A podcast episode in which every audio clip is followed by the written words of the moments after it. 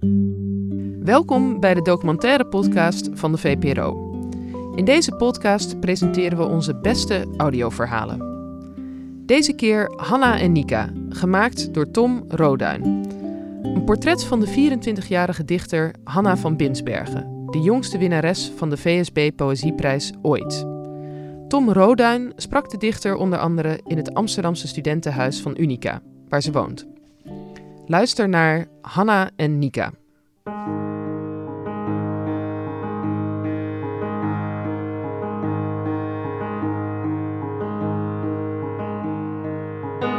Ik zou zo graag willen dat jullie jezelf konden zien. Zoals ik vanochtend planten en vogels zag die de geesten volmaakt verduisterden.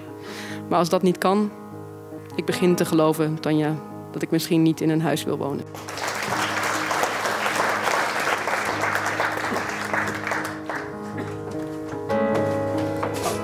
een beetje een.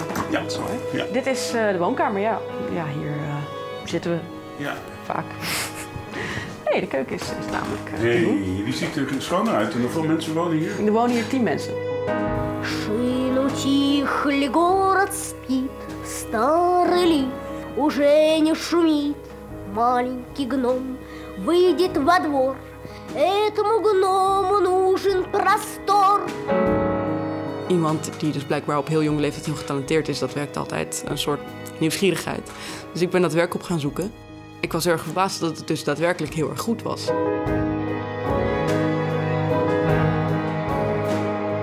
De 24-jarige dichteres Hanna van Binsbergen kreeg dit jaar de VSB Poëzieprijs. Als jongste in de geschiedenis van deze prijs.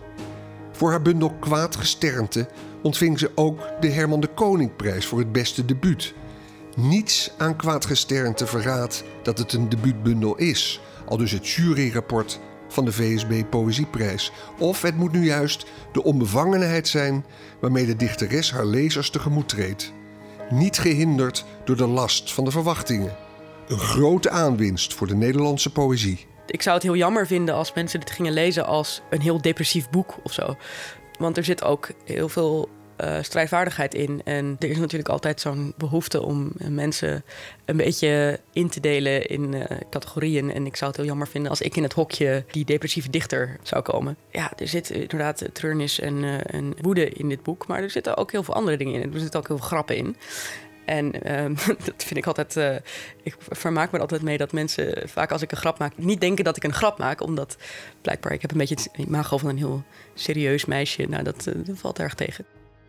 Hanna van Binsbergen studeerde filosofie en woont sinds twee jaar met negen anderen in het studentenhuis van Unica aan de Reguliersgracht in Amsterdam, opgericht in 1850.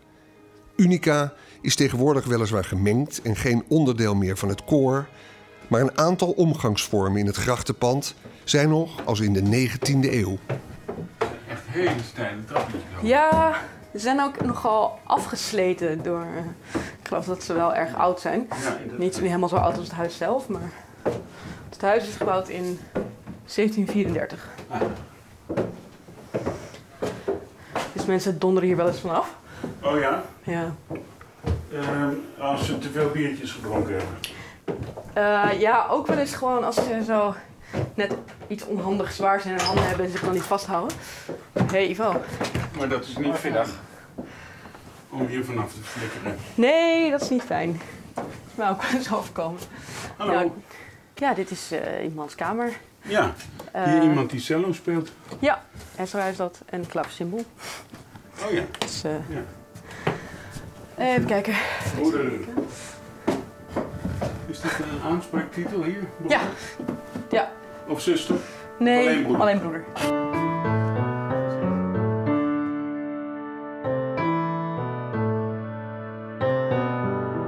Ik neem morgen dramatisch ontslag van mijn werk.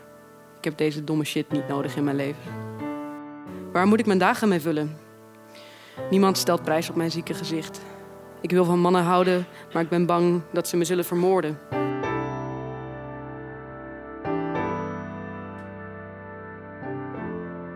Mijn bundel gaat heel veel over werk. Ik heb dat eigenlijk altijd gezien als een soort vrijwillige slavernij. En ik dacht, waarom doen mensen dit? Ja, met, met ook steeds korter wordende studententijd en al op de middelbare school oriëntatie over loopbaan, dat soort dingen. Ja, dat wordt de jeugd ook opgedrongen, maar ze, ze komen ook niet echt in opstand. Ik heb het idee dat de jongens en meisjes van tegenwoordig tamelijk tam zijn. Wat van Binsbergen tot een typische representante van haar generatie maakt, is haar vergeefse, doch hardnekkige zoektocht naar een geloofwaardig politiek vergezicht. Al dus Piet Gerbrandi in de Groene Amsterdammer. Toen ik op de middelbare school zat, geloofde ik volgens mij uh, tamelijk serieus in dat er op een gegeven moment een grote socialistische revolutie zou komen. Daar geloof ik niet meer. En dat, dat vind ik ook wel jammer op een bepaalde manier. Ik vind Marx nog steeds relevant. En ik uh, lees graag Marx. Maar dat idee van een groot gelukkig einde aan de geschiedenis, uh, ik geloof dat niet meer. Maar dat betekent niet dat ik alle hoop heb opgegeven. En dat er strijd gevoerd kan worden en dat er winst behaald kan worden.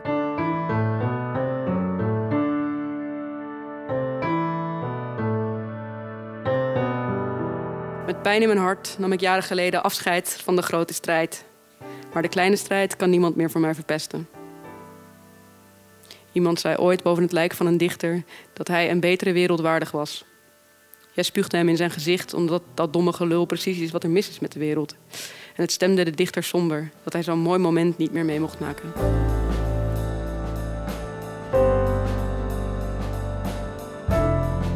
Waar staat de afkorting Unica voor? Uno nomine juncti colimus amicitiam. Onder één naam verenigd onderhouden wij de vriendschap. Ja, we voelen ons erg met elkaar verbonden. En er is een tekst uit 1950 en die heet De Vriendschap en het Feest. Die gaat over wat Unica is en wat, wat, wat vriendschap is. Want Unica gaat eigenlijk voornamelijk over vriendschap. En daar hangt die aanspreekvorm ook mee samen. Broeder, Broeder ja.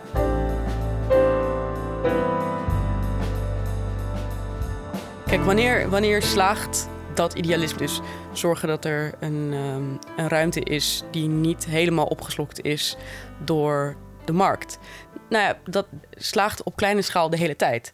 Dus ik heb nu ook in dit huis waar ik woon, wij hebben een heel gezamenlijke manier van leven gevonden, die niet gedicteerd is door een bepaald marktprincipe. En dat soort dingen, dus de soort spontane sociale uh, houding die mensen tegenover elkaar hebben, die is niet alleen sociaal, maar dat heeft ook socialisme in zich. Dus kleinere revoluties en kleinere bewegingen waarin mensen zichzelf uh, organiseren, die kunnen slagen. En ik vind het belangrijk. Ik, ik, kijk, ik ben niet een grote activist. Ik zie mijn rol als bijvoorbeeld over dit soort dingen praten op de radio. We moeten uh, strijd blijven voeren, dat is het meer. Maar waarvoor precies? Voor een vorm van leven die menselijk is en niet gedicteerd is door grote krachten zoals de markt. Jij bent nu de koning van Unica. Ja. Wat houdt dat in? Uh, dat houdt in dat als er iets misgaat, dan is het mijn schuld. En als er iets goed gaat, dan heb ik het niet gedaan. Uh, dus ik, het is een ceremoniële functie. Um, en uh, ik ben het het, het, de hoofd van deze club. Maar verder is het natuurlijk allemaal in diepte nevelen en geheimen gehuld. Dus ik kan er niet al te veel over zeggen natuurlijk. Maar word je dat bij anciëniteit? Nee, het is de vorige koning kiest de nieuwe koning. Oh, je wordt ook zo aangesproken? Koning? Ja? Ja, ook als ik gewoon uh, het souterrain binnenkom en een kopje koffie ga drinken. Hey, koning. Ja.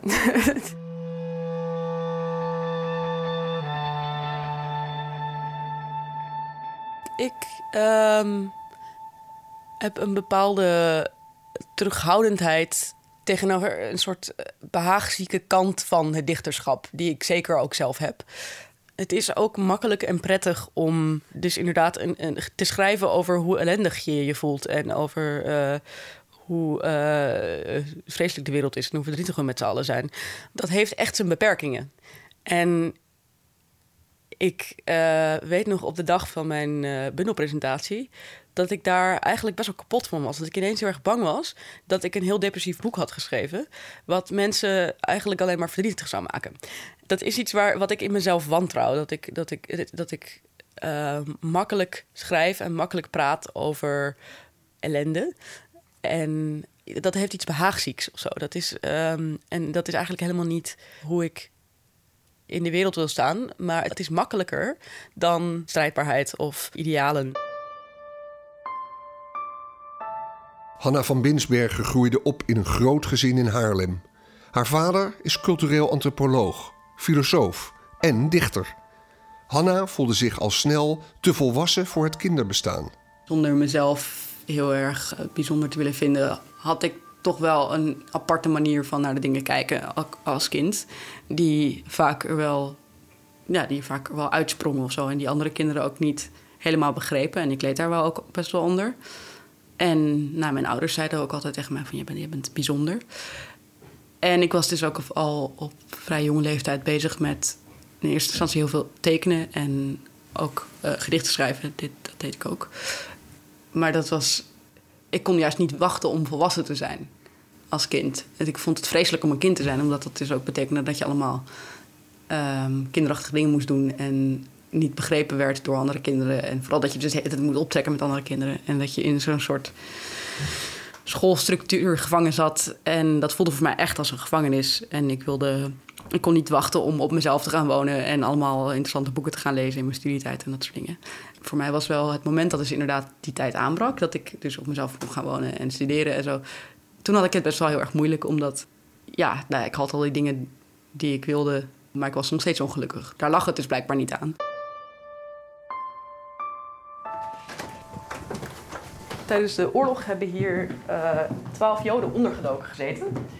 En die hebben allemaal de oorlog overleefd. En dan heb je dit zoldertje.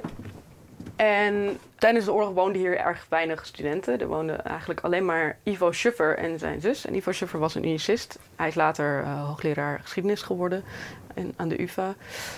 Hij was eigenlijk de, de, de grote mastermind achter dit hele plan. Hij had niet de AR-verklaring getekend. Hij zag er vrij jong uit. Dus hij probeerde over te komen als een schooljongen. Zij schoor ook zijn benen, zodat hij eruit zag als een, nou, korte, een korte broek kon dragen. En uh, dat was hoe hij zich voordeed.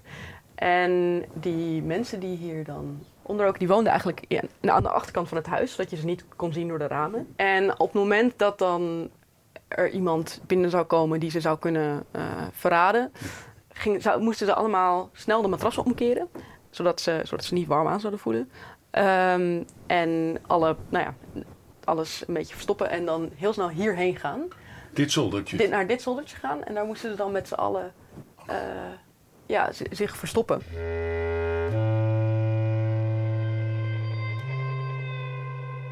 Ik was best wel heel erg eenzaam ook aan de universiteit. Ik ging filosofie studeren.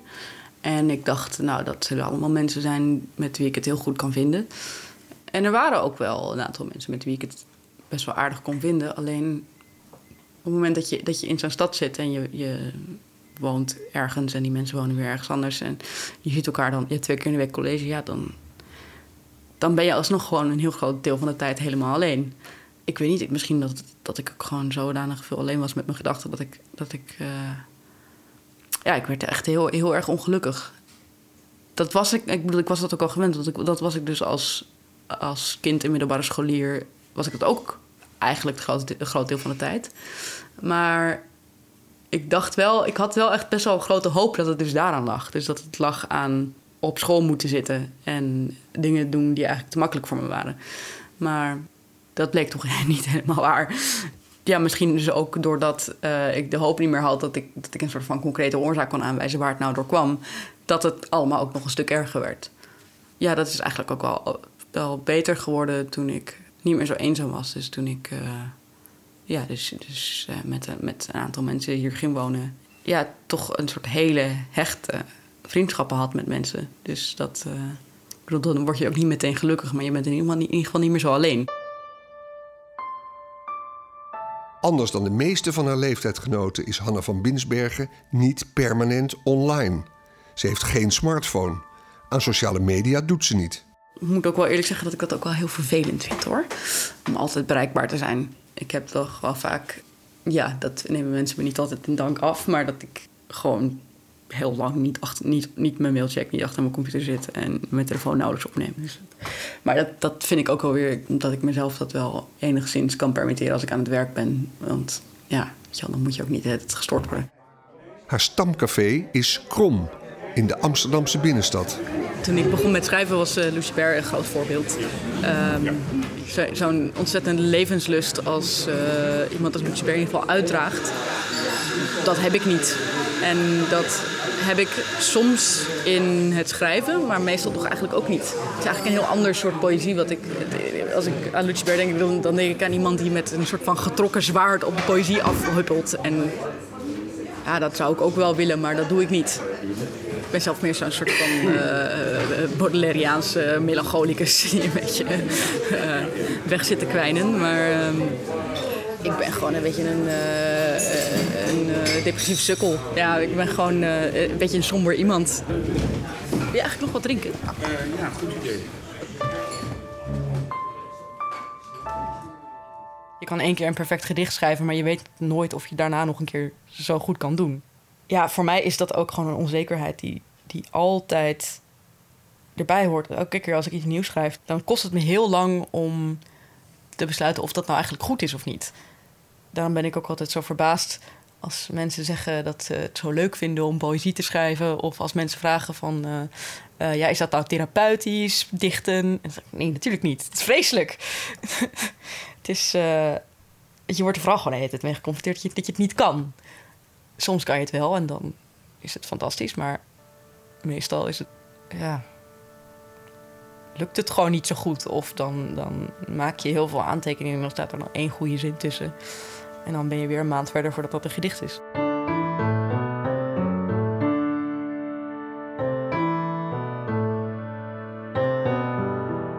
Eh, ja, hier zie je dus een foto, volgens mij uit het ehm, lustrum van. Kijken. Dit is de voorzitters of de koningshamer? Dit is de koningshamer, dus deze persoon was de koning. Ja, vroeger had je dus ook. Ja, Maar eh, die hamer is nog wel in gebruik. ja die heb ik op mijn kamer liggen. En Dus als je, zo, die eh, gebruik je ook als je een toespraak houdt. Ja, het is een, eh, het is een hele mooie ivoren hamer. En volgens mij is het dus dit gemaakt op het lustrum van 1875. Toen ik die bundel heb geschreven, zat ik in een zeecontainer in Amsterdam-Noord. Nou, je, kent misschien die complexen. Ik heb altijd het idee dat dat voortgekomen is uit een of andere hele vrede grap van iemand op een eh, vergadering. Die zei van ja, we kunnen die studenten ook gewoon in zeecontainers proppen. het is, eh, ja, het schijnt dat sommige mensen het daar heel leuk hebben. Eh, ik was niet een van die mensen. Ik kende niemand en ik was. eh, ik zonder me, heel erg af. En het is ook op een of andere manier heel moeilijk om eh, mensen zover te krijgen om van de andere kant naar Amsterdam Noord te komen. Dus eh, ja, ik, ik daar heel erg en ik werd ook gewoon wel echt een beetje gek volgens mij. Ik schreef heel veel, ook eh, dus mijn poëzie, maar ook dagboeken. En ja, feit en fictie liepen gewoon een beetje door elkaar. En dat is. Dat heb ik daarna ook niet meer zo gehad. Maar dat had dus ook denk ik wel heel erg te maken met dat ik echt heel weinig aanspraak had. En eh, heel weinig contact met de realiteit. En dus gewoon helemaal mijn gang kon gaan in, eh, in onalledaagse gedachten of zo. Dus gedachten met, met weinig, die niet echt gegrond waren in de realiteit, zeg maar. Ze waren ja, ook wel. Ik had niet echt wanen of zo, maar ik had wel ideeën over het leven die gewoon in ieder geval schadelijk waren voor mij. Maar ja, aan de andere kant heb ik toen wel die bundel geschreven. Die kwam ook wel. Ik denk ook wel dat, ik, dat er sommige extremen in zitten die poëtisch best wel goed zijn, maar die voor mij gewoon persoonlijk eh, niet zo heel erg goed waren. Ja, niet dat ik nou echt afstevende op een, eh, op een eh, tragisch einde of zo. dat is er ook niet echt sprake van hoor. Maar ehm, Suïcidale gedachten waren er bij jou niet? jawel, maar daar wil ik eigenlijk niet te veel over zeggen. Sinds haar succesvolle debuut Kwaadgesternte geeft Hanna van Binsbergen lezingen in het land. En ze werkt één dag in de week in een antiquariaat in Amsterdam. Het is een eh, heel fijn eh, ouderwets winkeltje. Ja, dat is heel fijn. Dat, dat heeft een soort, ehm, hoe Simir ook, het geeft een soort structuur of zo. En je, want, eh, ik- ik, ben zelf een beetje overdonderd geweest door het succes wat ik had met eh, mijn eerste bundel. Dus ineens moet ik ook een soort eh, mijn, mijn eigen leven en optreden een beetje eh, managen of zo. En nou, ik ben er gewoon niet zo goed in. Ik ben gewoon een, een, een dom dichtertje wat een beetje gedichtjes aan het schrijven is. En voor de rest kan ik niet zoveel. Ik ben gewoon een, ramp met administratie en met... ik, ik antwoord nooit op mijn e-mail, want ik denk van laat me met rust. Dus dat is allemaal een beetje gedoe. gewoon alleen maar boekjes verkopen. Er staat een roman op stapel, waarvan één hoofdstuk is voorgepubliceerd in de gids. Titel: Het ratelen van de ketenen. Op de een of andere manier geeft me dat misschien ook wel, juist doordat dat debuut zo succesvol was, dat ik, dat ik, dat ik van ik ga eerst even iets anders doen. En dan misschien uh, ga ik nog eens even kijken of ik dat nog kan, poëzie schrijven. Maar proza en poëzie zijn wel verschillende dingen, maar het ligt ook heel erg in elkaars verlenging. Het is misschien omdat ik dus uh, voornamelijk poëzie schrijf. Uh, ik schrijf heel erg per zin. Dus dat maakt ook wel, volgens mij, heel veel mensen vonden het heel erg compact of zo, heel dicht. Het is, het is niet eens, het is voor een kort verhaal niet eens heel erg kort hoor. Maar in elke zin gebeurt eigenlijk heel veel. En er is niet zo heel veel van die. Um, niet zo heel veel vulling of zo. Ik zou kunnen denken van, nou ja, misschien is dat iets wat ik dan moet leren of zo. Uh, maar aan de andere kant denk ik, ja, ik vind dat ook eigenlijk wel weer goed. Want ik verveel me toch wel met heel veel proza, wel een beetje. Ja, waar gaat het over? Het gaat over uh, de duivel eigenlijk. Het gaat over, over een uh, jonge vrouw die, nou, met wie het niet ontzettend goed gaat. Die net verlaten is door haar grote liefde. Of eigenlijk is dat al wel weer een tijdje geleden, maar ze neemt het niet goed op. Op het moment dat ze erg in een, in een dieptepunt zit, dan verschijnt aan haar uh, de Satan. Het, het, het, grappige is ook, hij, hij is wel echt de duivel, maar hij is ook voor haar wel echt heel erg lief. En dat is natuurlijk ook een verbond dat er bestaat tussen zij is een heel promiscu iemand. En nou, dat is natuurlijk van oudsher bestaat er een soort verbond tussen promiscue vrouwen en de duivel. Dus dat is ook wel weer logisch dat dan de duivel juist voor iemand die wordt uitgekotst door de maatschappij uh, toch wel heel erg lief is. En uh, haar ook wel steunt of zo. Dus dat, um, dat is allemaal wel vreselijk interessant. En ook iets waar, uh, waar ik ook wel echt gewoon heel veel zin in heb of zo, dat, in dat project.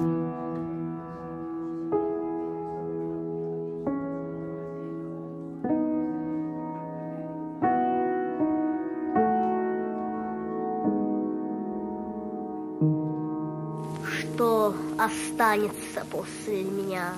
Добрый свет глаз или вечная тьма? Лес или ропот, шепот волны Или жестокая поступь войны? Неужели я подожгу свой дом? De stem van Nika Turbina, een Russisch wonderkind dat op haar achtste gedichten schreef, waarmee ze in de jaren tachtig populair werd. Toen ze tien was, publiceerde ze de bundel Eerste Versie, met gedichten in een geheel eigen idioom over de eindigheid en de tijd. Met haar ontdekker, de dichter Yevtushenko, trok ze langs volle stadions. Er werd een LP van haar voordrachten gemaakt, waarvan tienduizenden exemplaren werden verkocht. En ze ging met haar werk op tournee. Iemand die dus blijkbaar op heel jonge leeftijd heel getalenteerd is, dat werkt altijd een soort um, nieuwsgierigheid. Dus ik ben dat werk op gaan zoeken.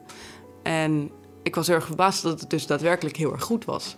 Dat het niet alleen heel erg goed was voor een achtjarig meisje, heel knap, maar ook dat het wel echt heel erg diepzinnig was en heel. Um, en ook dat er dus iets heel angstaanjagends in zat. Um, omdat zij op haar achtste dus heel erg veel bezig was met het einde van het leven en uh, het idee dat het leven niet lang is dat vond ik iets, iets fascinerends. Eigenlijk de doorslag gaf een opmerking die zij ooit heeft gemaakt in een interview toen ze al een jaar of twintig was. Toen ze zei dat ze eigenlijk nooit volwassen had hoeven worden. Dat ze dat vrouwenlichaam wat ze nu had, dat dat nergens voor nodig was, omdat alles wat ze had willen zeggen, dat ze dat al gezegd had als kind.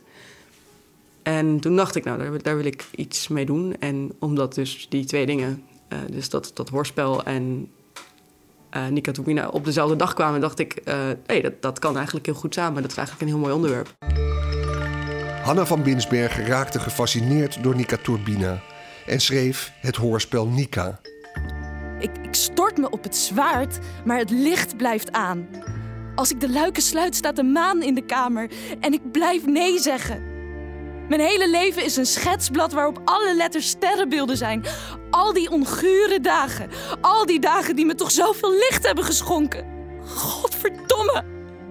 Godverdomme, godverdomme, godverdomme, godverdomme, godverdomme, godverdomme, godverdomme. Godverdomme, godverdomme, godverdomme, godverdomme. Een keuze uit Turbina's gedichten komen met teksten uit dit hoorspel in het boekje Mijn leven is een schetsblad. De vertaler is Lennart van Uffelen, een vriend van Hanne van Binsbergen, die in Moskou studeert en daarnaast onderzoek deed naar het leven van Nika. De dichteres en de vertaler onderhouden contact via Skype. Ze ligt ook begraven in Moskou. En uh, Lennart uh, die is naar dat graf geweest. Hij zei tegen mij in de chat van we kunnen daar uh, het over hebben, maar misschien kunnen we daarover skypen in de radiodocumentaire. Hey Lennart, was jij nou ook naar het graf geweest? Ja, ik ben daar geweest net. Hoe, hoe was dat?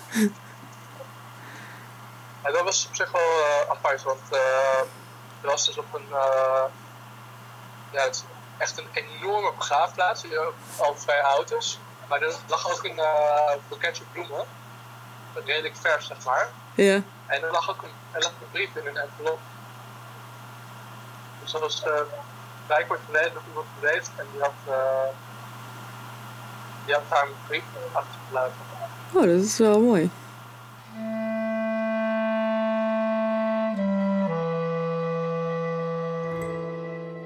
Ik vond het in, in eerste instantie heel erg raar dat dus iemand van acht zoveel over de dood schrijft.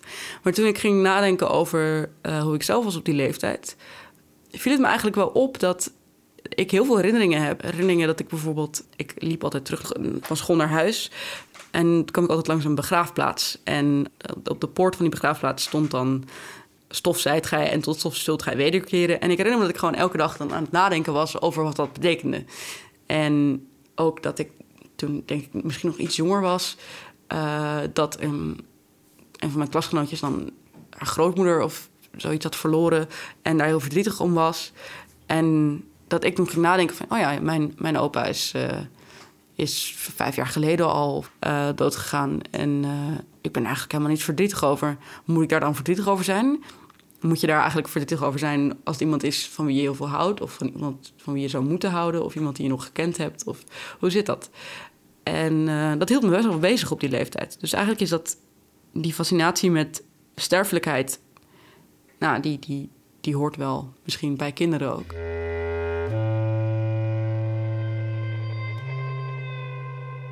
Ja, wat ze daarvoor nodig heeft, is ook wel een heel eigen denkwereld dat maakt haar ook gewoon heel erg uitzonderlijk.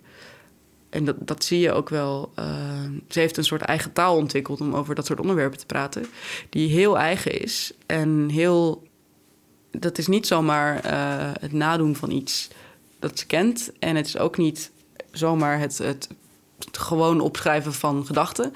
Het zit echt wel goed in elkaar, zeg maar. Dus ik denk dat ze, dat die, in die zin wel echt behoorlijk exceptioneel is. Ook qua denken. Het komt voor, kinderen die heel erg een, bepaalde afwijkende visie hebben en daar iets mee kunnen. Alleen het, het tragische in haar geval is dat ze dat op een bepaalde manier ook weer helemaal kwijtraakt op het moment dat ze ouder wordt.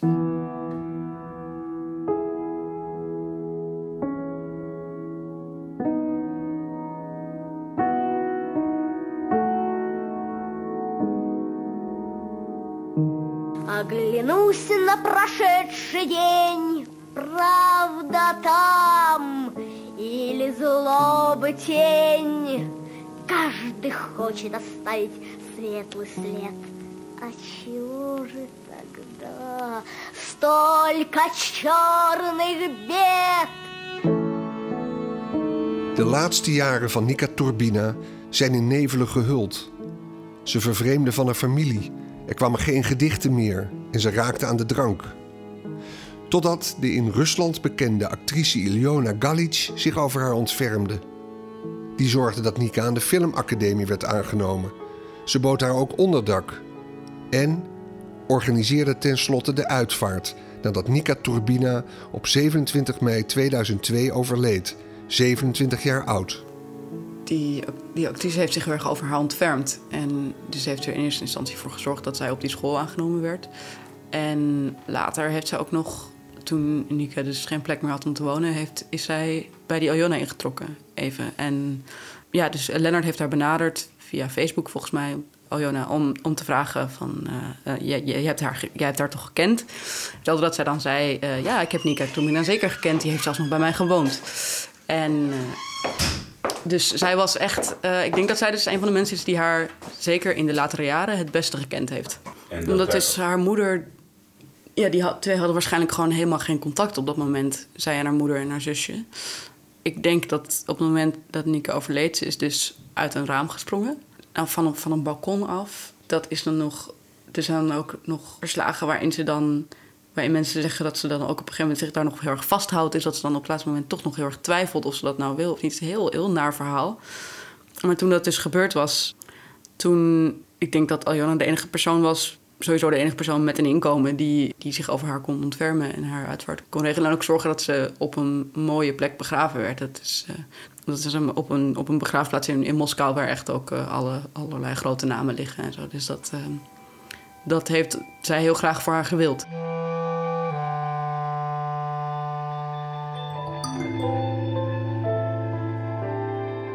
Het is denk ik een beetje dat als je één ding heel erg goed kan als kind, in haar geval dus poëzie schrijven, dat je dan nooit heel erg aangemoedigd wordt om die andere dingen ook te leren. En dat dat je dus ook als volwassene heel erg eh, de das om kan doen. En dat is in haar geval ook wel gebeurd, denk ik. En daarnaast denk ik dat ze niet zozeer als, als klein meisje, maar toch wel zeker daarna nogal zwaarmoedige persoonlijkheid had. Met dus een heel uitdrukkelijke doodswens. En nee, dus inderdaad dat idee wat ze, wat ze uitte, dat ze dus niet dat het niet nodig was geweest voor haar om volwassen te worden. Ze heeft altijd een heel sterk idee van het, van het noodlot. En ook wat haar taak dan is geweest in het leven. En zij zag die in haar jongvolwassenheid heel erg als voltooid.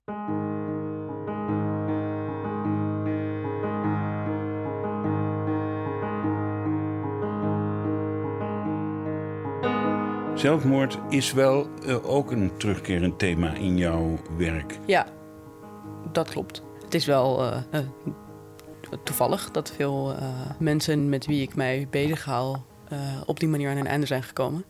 Ja, ik, ik ben zelf ook niet ongevoelig geweest in het verleden voor. Nou, ik heb wel echt lang een, een doodswens gehad. Daar schrijf ik ook wel veel over. Buiten mensen die dus echt een, actief een doodswens hebben en suicidaal zijn, is het is zelfmoord natuurlijk in iedereen's leven op een bepaalde manier belangrijk. Het is een soort hele vreemde realisatie dat er een handeling is die het hele contract wat je bij je geboorte nou ja, niet getekend hebt, maar waar je toch aan vastzit, dat je je leven af gaat maken. Daar kan je gewoon niet naar luisteren. Je kan gewoon voortijdig, zoals Mayakovsky het ooit geschreven heeft, een kogelpunt achterzetten. En dat is juist iets wat je in literatuur kan onderzoeken. Dat vind ik interessant. Ja, vind ik ook wel belangrijk om daarover te schrijven omdat het dus ook vanwege alternatieven voor zelfmoord. Op de achterflap van mijn bundel staat een zin. Deze bundel gaat over wat politiek radicalisme en zwarte magie met elkaar te maken hebben. Nou, misschien zou je zelfs kunnen zeggen wat politiek radicalisme en zwarte magie met elkaar te maken hebben, gaat via zelfmoord. Want zelfmoord is een soort. Het is, een ultieme weigering. Je, je stapt helemaal uit het leven en je doet niet meer mee ja, het, zou, zou een revolutionaire daad zijn, uh, waar het niet dat daarna dus het hele leven ophoudt, is dat er niets meer is om op te bouwen.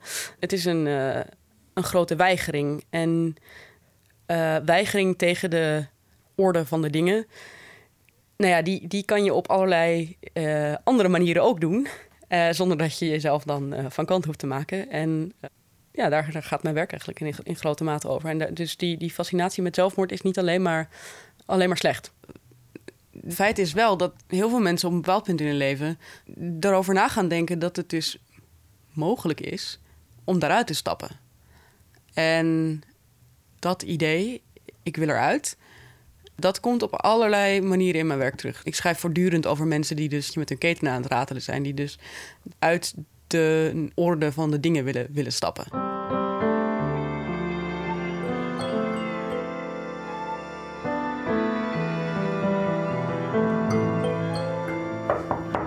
Hoi David.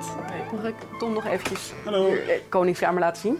Oh, en hier ga jij naartoe? Hier ga ik uh, wonen, ja. Oh. Dit, dit, is de Koningskamer. Um, terecht zo, zo ja. genoemd. En uh, nee, het is een heel mooi uitzicht over de Reguliersgracht en de Keizersgracht. Hier zie je nog trouwens uh, een oorkonde van eh, de, getekend door alle onderduikers. Ach, Eh, en hier zie je al hun namen. Dit is het document waarbij eh, dat ze hebben aan de Unica hebben geschonken nadat de steen is geplaatst. Ter herdenking van hun verblijf al daar tijdens de vervolgingen van 29 mei 1943 tot den dag der bevrijding in 1945 en tot blijvend teken hunner dankbaarheid voor de onschatbare diensten van hun bewezen door het Westers Literarisch Gezelschap Unica.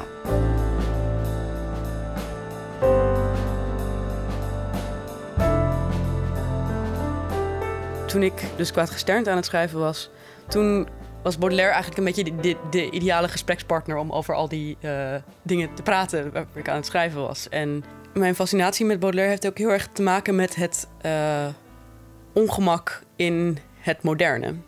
En dat- is ook iets wat, wat steeds meer een lijn ging vormen in mijn bundel. Met Baudelaire heb ik ook de fascinatie voor de nachtzijde van het leven eh, gemeen. En ook wel de stuwing daar naartoe. Ja, we, we pasten gewoon bij elkaar. En eh, we werden goede vrienden.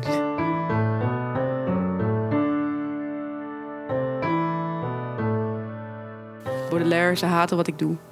Ze willen niet snappen waar ik over schreeuw. Er zijn niet genoeg manieren om te gillen. Ze zijn oud, hun gehoor gaat achteruit. Neem het ze kwalijk. Je wilt onder het tapijt van mijn gedachten komen, maar denk niet aan mij. Ik ben niets voor jou. Je dood is een vreselijk amulet. Ik kus je portret. Je weet dat het waar is.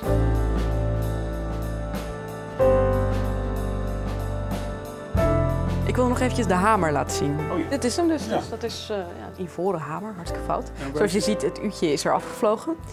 Eh, er staat nu alleen nog maar Nika. Wat Oh ja. ook wel weer Ja. mooi is eigenlijk. ja, Nika Turbina. En eh, dit is mijn mantel. Oh, dat hoort er ook nog bij. Het hoort erbij. Ja. De koningsman. Dit is de koningsmantel. Maar daar zit Mooi. geen hermelijn in verwerkt. Nee, het is alleen eh, rood fluweel met een, ehm, met een gouden ster op de rug. Bij welke gelegenheden gaat dit aan? Ehm, nou, bij eh, bijvoorbeeld op het moment dat er een nieuwe koning gekozen wordt, dan heeft de oude koning trekt, trekt de mantel aan, die doet een toespraak en geeft de mantel dan door aan de nieuwe koning. En eh, bij feesten zoals de, de Dies en soms vieren we ook eh Sint-Jorisdag.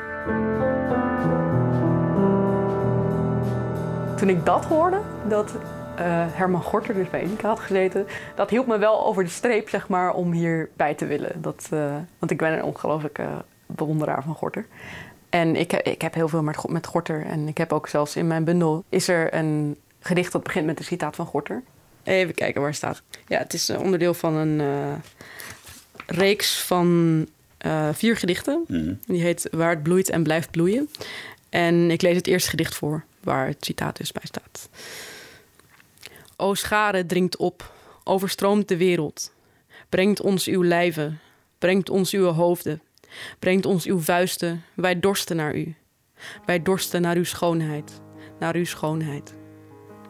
Herman Gorter. 1. Je leest als bezeten tot je zelf met een zin komt en aarzelt niet die boven je blad te zetten, als de bloem die voortkomt uit je reizen. Zou er een slagveld kunnen zijn waar ik me werkelijk thuis zou voelen? Het ligt in de mond als een woord. De vraag die elke dag weer galmt in ondergrondse ruimte, die soms gisteren en soms vandaag genoemd zijn, maar altijd met de plechtigheid die het verleden zo fantastisch vond. Ik heb mijn enthousiasme voor de toekomst niet verloren. Ik heb serieus het idee dat dit waar is. Is er iemand die je laat beseffen dat je niet begrijpt wat ruimte is? Is er iemand, nu of in de toekomst, die je aanspreekt op je feiten? We hebben niet echt een wereld.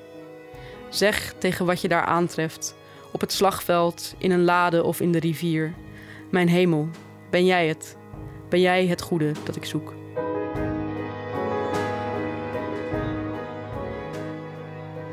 Tot zover Hanna en Nika. Een documentaire van Tom Roduin. Eerder uitgezonden in het programma Radiodoc op 26 november 2017. Eindredactie Anton de Goede, techniek Berry Kamer.